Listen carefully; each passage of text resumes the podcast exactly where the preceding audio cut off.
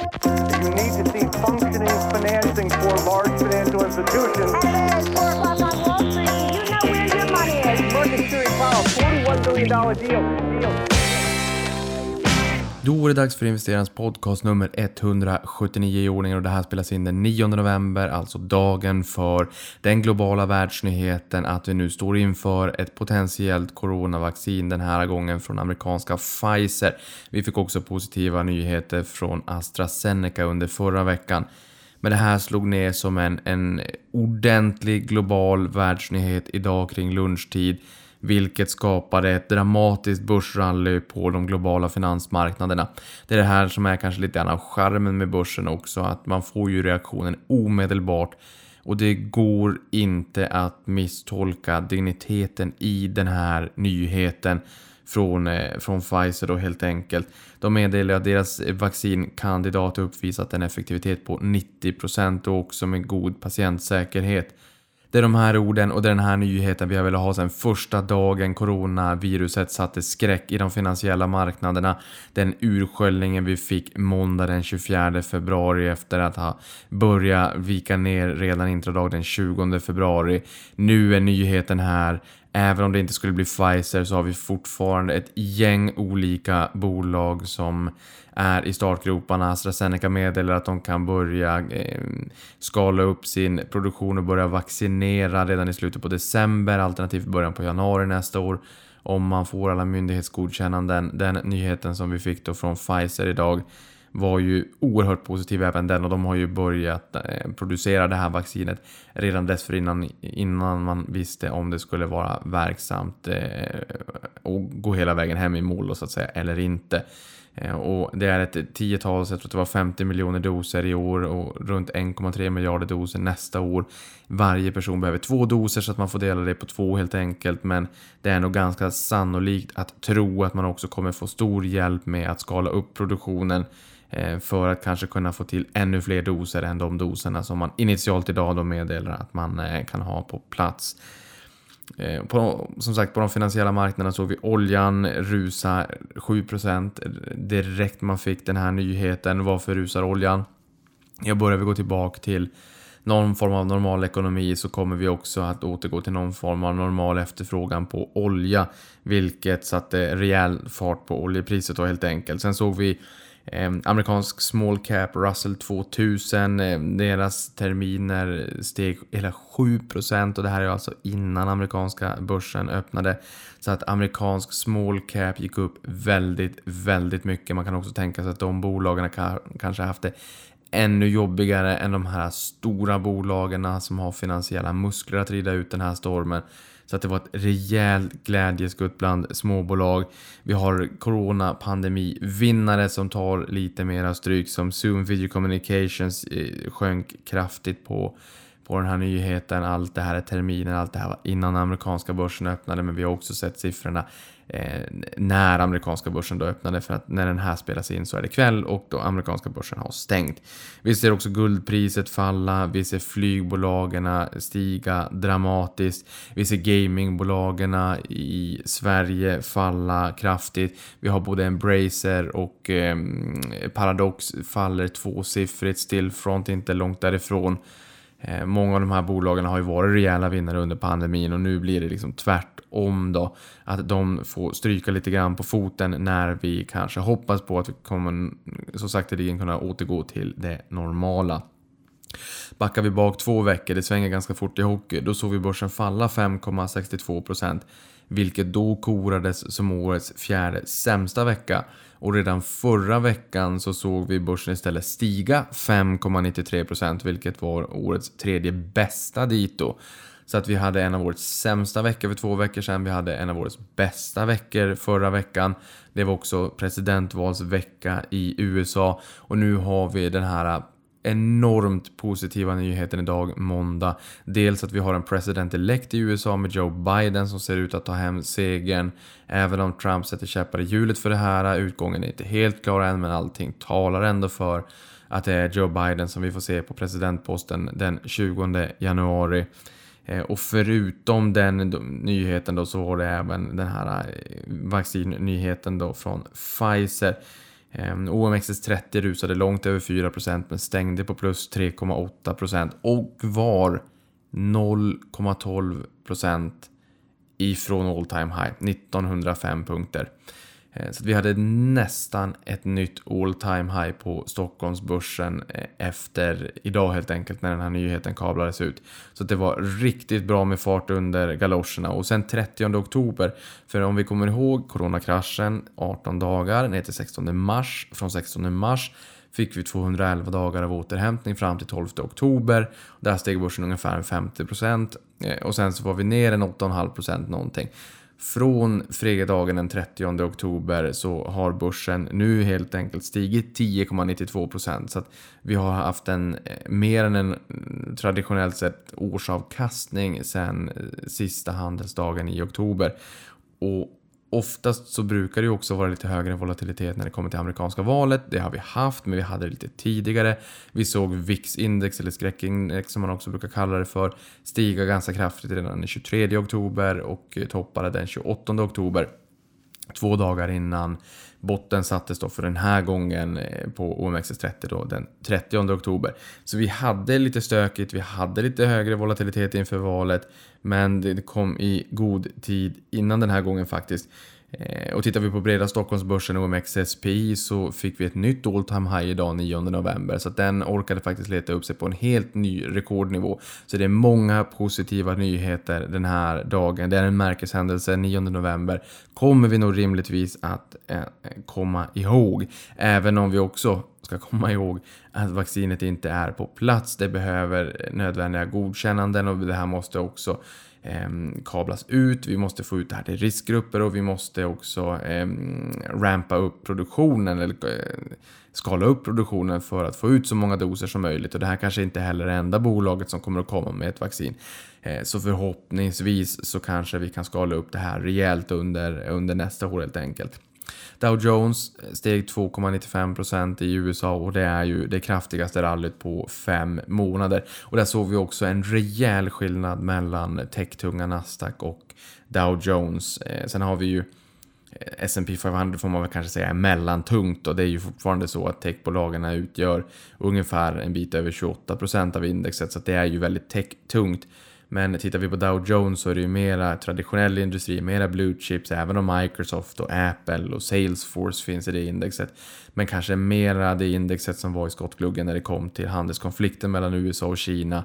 Mera traditionell industri, inte lika mycket tech. Eh, där såg vi en rejäl omallokering då från techtunga index till eh, mera traditionella, eh, exempelvis då Dow Jones helt enkelt. Tittar vi i Stockholm så såg vi ju också, det gick inte att ta miste på vilka bolag det var som fick eh, eh, rejält fart under galoscherna och vilka som då uppnådde investerarnas gunst. Tittar vi på Scandic, hotelloperatören, så steg de 35%. Tar vi ett Pandox som gästade podden under förra veckan. Jag hoppas du har hunnit lyssna på Anders Nissen. Eh, fantastiskt trevlig person. Intressant att han blev hotelldirektör vid 25 års ålder. Ehm, och att han sen har rattat Pandox i 25 år. Samtidigt som vi fick lära oss att man kunde ungefär köpa en krona i värde för en 50-öring. Eh, vilket ehm, inte har varit fallet som de kom in till börsen för andra gången 2015. Sen dess har de skapat väldigt mycket värde och de har oftast handlats till en premievärdering. Det sköts ju självfallet i sank här under coronapandemin och de föll 77,9% som mest, vilket är en total kollaps får man väl säga.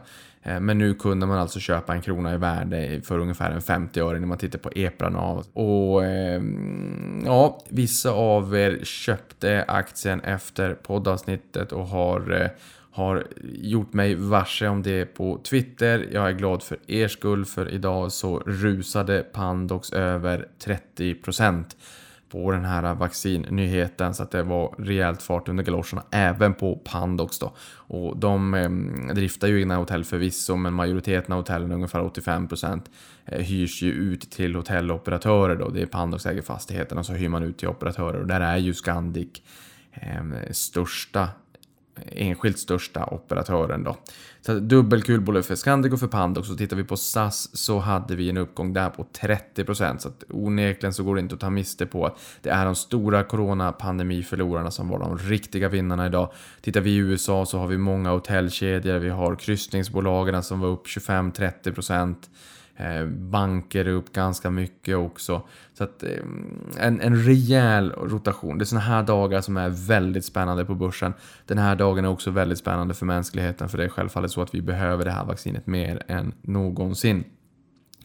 Eh, och som sagt i USA så såg vi även de här ursinniga eh, uppgångarna där många av pandemiförlorarna steg 20-30%. Det var trångt på vinnarsidan och det var mycket, mycket kraftiga uppgångar. Sådana här uppgångar ser man inte speciellt ofta. Eh, Brexit, Brexit-dagen var en typisk sån här fast åt andra hållet.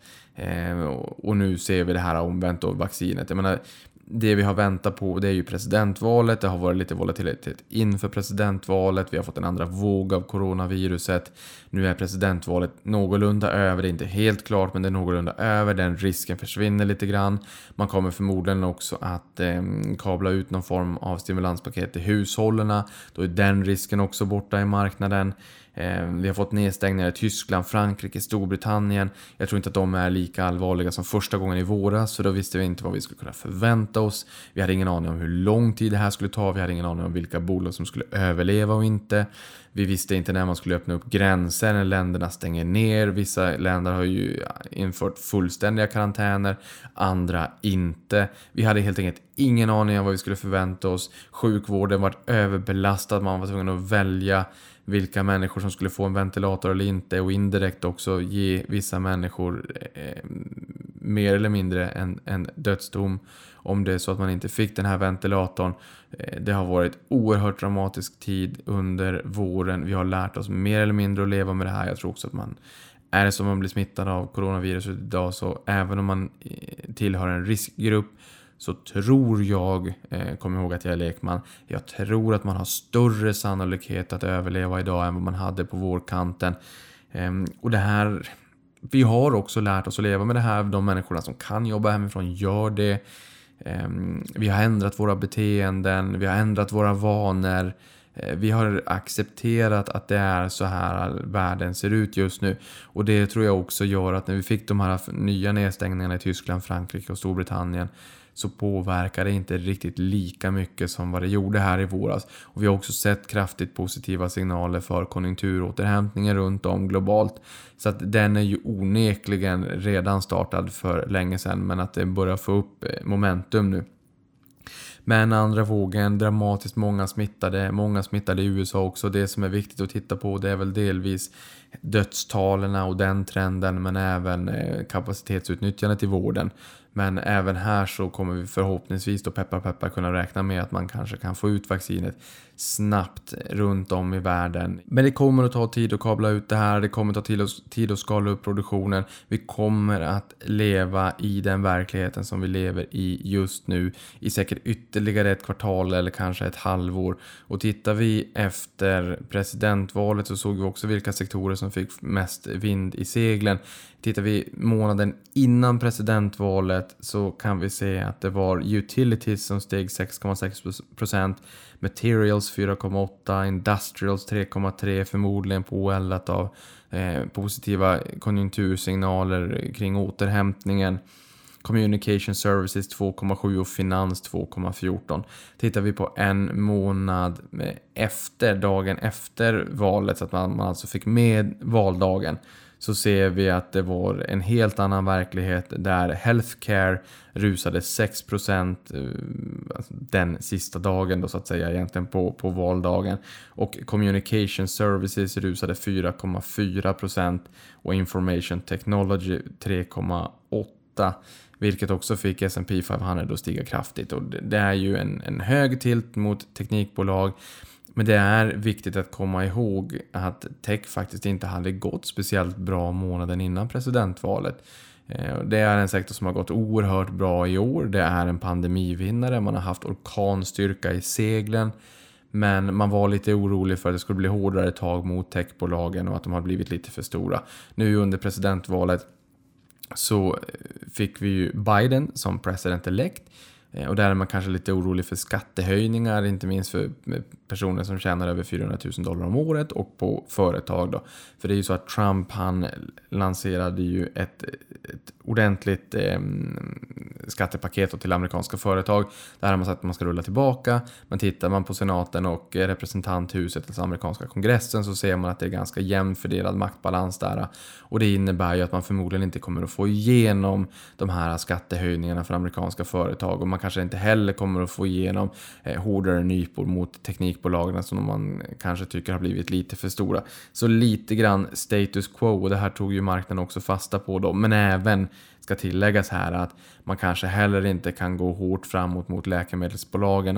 Eh, och läkemedelsbolagen har vi ju insett vikten av också under den här pandemin. Men som sagt, eh, den, den sektorn var ner nästan 0,8% månaden innan valet för att därefter sen stiga 6% om man räknar med valdagen. Så en rejäl skjuts för, eh, för läkemedelsbolagen helt enkelt. Men låt oss prata om pandemivinnarna. För det har vi ju, det är någonting som inte har gått någon förbi. På vårkanten när det här bröt ut så vart det nattsvart, allt föll jättekraftigt. 33,81% ner på OMXS30 under 18 dagar. Mycket föll mycket, mycket, mycket, mycket, mycket mer än så. Vi har också haft störningar på obligationsmarknaden vilket gjorde att fastighetsbolagen föll 50 till nästan 80 procent och beroende på vilket fastighetsbolag det var. Allt som hade någon form av exponering mot hotell och mera osäkra fastigheter, hög belåning etc. Eh, kanske också en hög eh, finansiering från eh, obligationsmarknaden som andel av kapitalstrukturen tog rejält med stryk. Eh, nu ser vi, och sen dess efter det såg vi att det liksom utkristalliserades lite grann vilka bolag som skulle vara relativa vinnare och vilka bolag som skulle vara relativa förlorare. Men idag ser vi alltså när den här positiva nyheten kom att det blev en enorm omallokering av kapital. Det, det finns ingen brist på kapital där ute. Det finns mycket kapital vid sidlinjen. Men det är också så att många av de här vinnarna har gått väldigt, väldigt bra. Eh, och det kanske är så att marknaden har diskonterat in lite grann att det här kommer att fortsätta den här nya verkligheten. Eh, vilket kanske inte är fallet om det är så att vi får ett vaccin. Så idag såg vi Bygghemma Group, eller BHG Group, falla 17%. Vi såg Boost falla nästan 13%. Embracer, gamingbolaget, 12%. Paradox 11%. Sinch 11%. Thule 8%. Stillfront nästan 8%. G5 Entertainment nästan 8%. Så typiska bolag som ändå har trivts i, den, i det här klimatet som också har stigit väldigt mycket. Men jag tror någonstans att man måste se på det här med, med eh, nyktra ögon. För att det har funnits sektorer och bolag på börsen som har varit no-go zone för att det har varit för osäkert. De har varit alldeles för negativt påverkade av coronapandemin. Nu kommer gröna skott, det kommer positiva nyheter. Vi får en, en rejäl eh, potential, ett rejält skäl att faktiskt tro på en återhämtning. Någon gång skulle det ju återhämtas såklart. Jag menar Anders han sa ju att Eh, kring hotellfastigheter och att det började bubbla upp rejält eh, kring eh, ingången nu i Q4 innan vi ånyo såg den andra vågen då så att säga. Men han sa att det ligger och bubblar under ytan. Så fort vi får se en nedgång i coronaviruset, nedgång i, i antalet restriktioner etc. Då ser vi direkt att beläggningsgraden sticker upp väldigt, väldigt snabbt. Det här är ju självfallet någonting, marknaden är framåtblickande, man vill ju vara där redan innan då så att säga. Kanske också därför vi fick de här kraftiga, kraftiga upp motgångarna får man väl säga. Men jag tror någonstans att det är värt att komma ihåg att om förlorarna, de har gått ner väldigt mycket. Det är om de skulle få bättre klimat, bättre förutsättningar, att vi skulle gå tillbaka till en normal ekonomi, så kan vi förmodligen också förvänta oss kraftiga uppgångar på den här typen av bolag som ingen har velat ha i med tång. Och någonstans så måste ju de investeringarna också finansieras och det är därför jag tror att vi kortsiktigt får se en omallokering, sektorrotation från vinnarsektorer till förlorarsektorer. Jag tror inte att det här betyder att vinnarsektorerna på något sätt är ute i kylan. Tvärtom. Vi har många vinnarsektorer som är strukturella vinnare, inte minst tech. Eh, och jag menar, återigen, eh, Microsofts vd Satya Nadella sa att det här med, med vem som kommer att överleva långsiktigt och inte. Det handlar om hur snabbt man kan ställa om till en digital värld, till en digital ekonomi och de digitala förutsättningarna. Och det är nog förmodligen fortfarande väldigt sant. Men just nu så tror jag att vi kommer kunna se en omallokering under en tid. Hur långt eh, hur lång tid det kommer pågå, det har jag ingen aning om. Som sagt, det finns mycket kapital vid sidlinjen också. Men jag tror att man tar lite vinsthemtagning, man finansierar de här bortglömda sektorerna genom att ta hem lite vinster i de bolagen som har gått väldigt bra. För techbolagen exempelvis kan fortsätta att gå väldigt bra, men de bolagen som är enorma förlorare där kommer vi förmodligen, peppar peppar, att kunna se rejäla uppställ. Jag menar att vi ser kilometervis med bolag som stiger 20-30% på, på en handelsdag. Det tillhör ju självfallet inte, inte vanligheten så det visar ju bara hur oerhörd eh, kraft det var i, i dagens besked och dagens omallokering. Så jag tror att det är lite grann så man ska tänka just nu. Jag ser det här snarare som ett läge, en möjlighet att få en andra chans att kunna fylla på lite grann i de bolagen som man kanske inte riktigt hann med Ehm, den här gången när det steg. Jag menar, många bolag som är vinnarna här är ju upp jättemycket i år ändå. Ehm, och på marginalen så kanske de får det lite tuffare nästa år om vi återgår till någon form av normalitet. Men jag väljer att tolka det här som en möjlighet att kunna komma in i de bolagen som man kanske inte riktigt har kommit in i eh, och som man har jagat på uppsidan på vägen upp. Nu finns det ytterligare en möjlighet att komma in eh, igen då helt enkelt. Men avslutningsvis kan väl sägas att den här dagen är en väldigt bra dag för mänskligheten. Nu håller vi tummarna och hoppas att vi kommer kunna skala upp och distribuera ut det här eh, potentiella vaccinet väldigt, väldigt snart och lämna den här perioden bakom oss som en parentes i, det, i historien helt enkelt. Så med de orden säger jag avkastning på dig och vi hörs snart igen.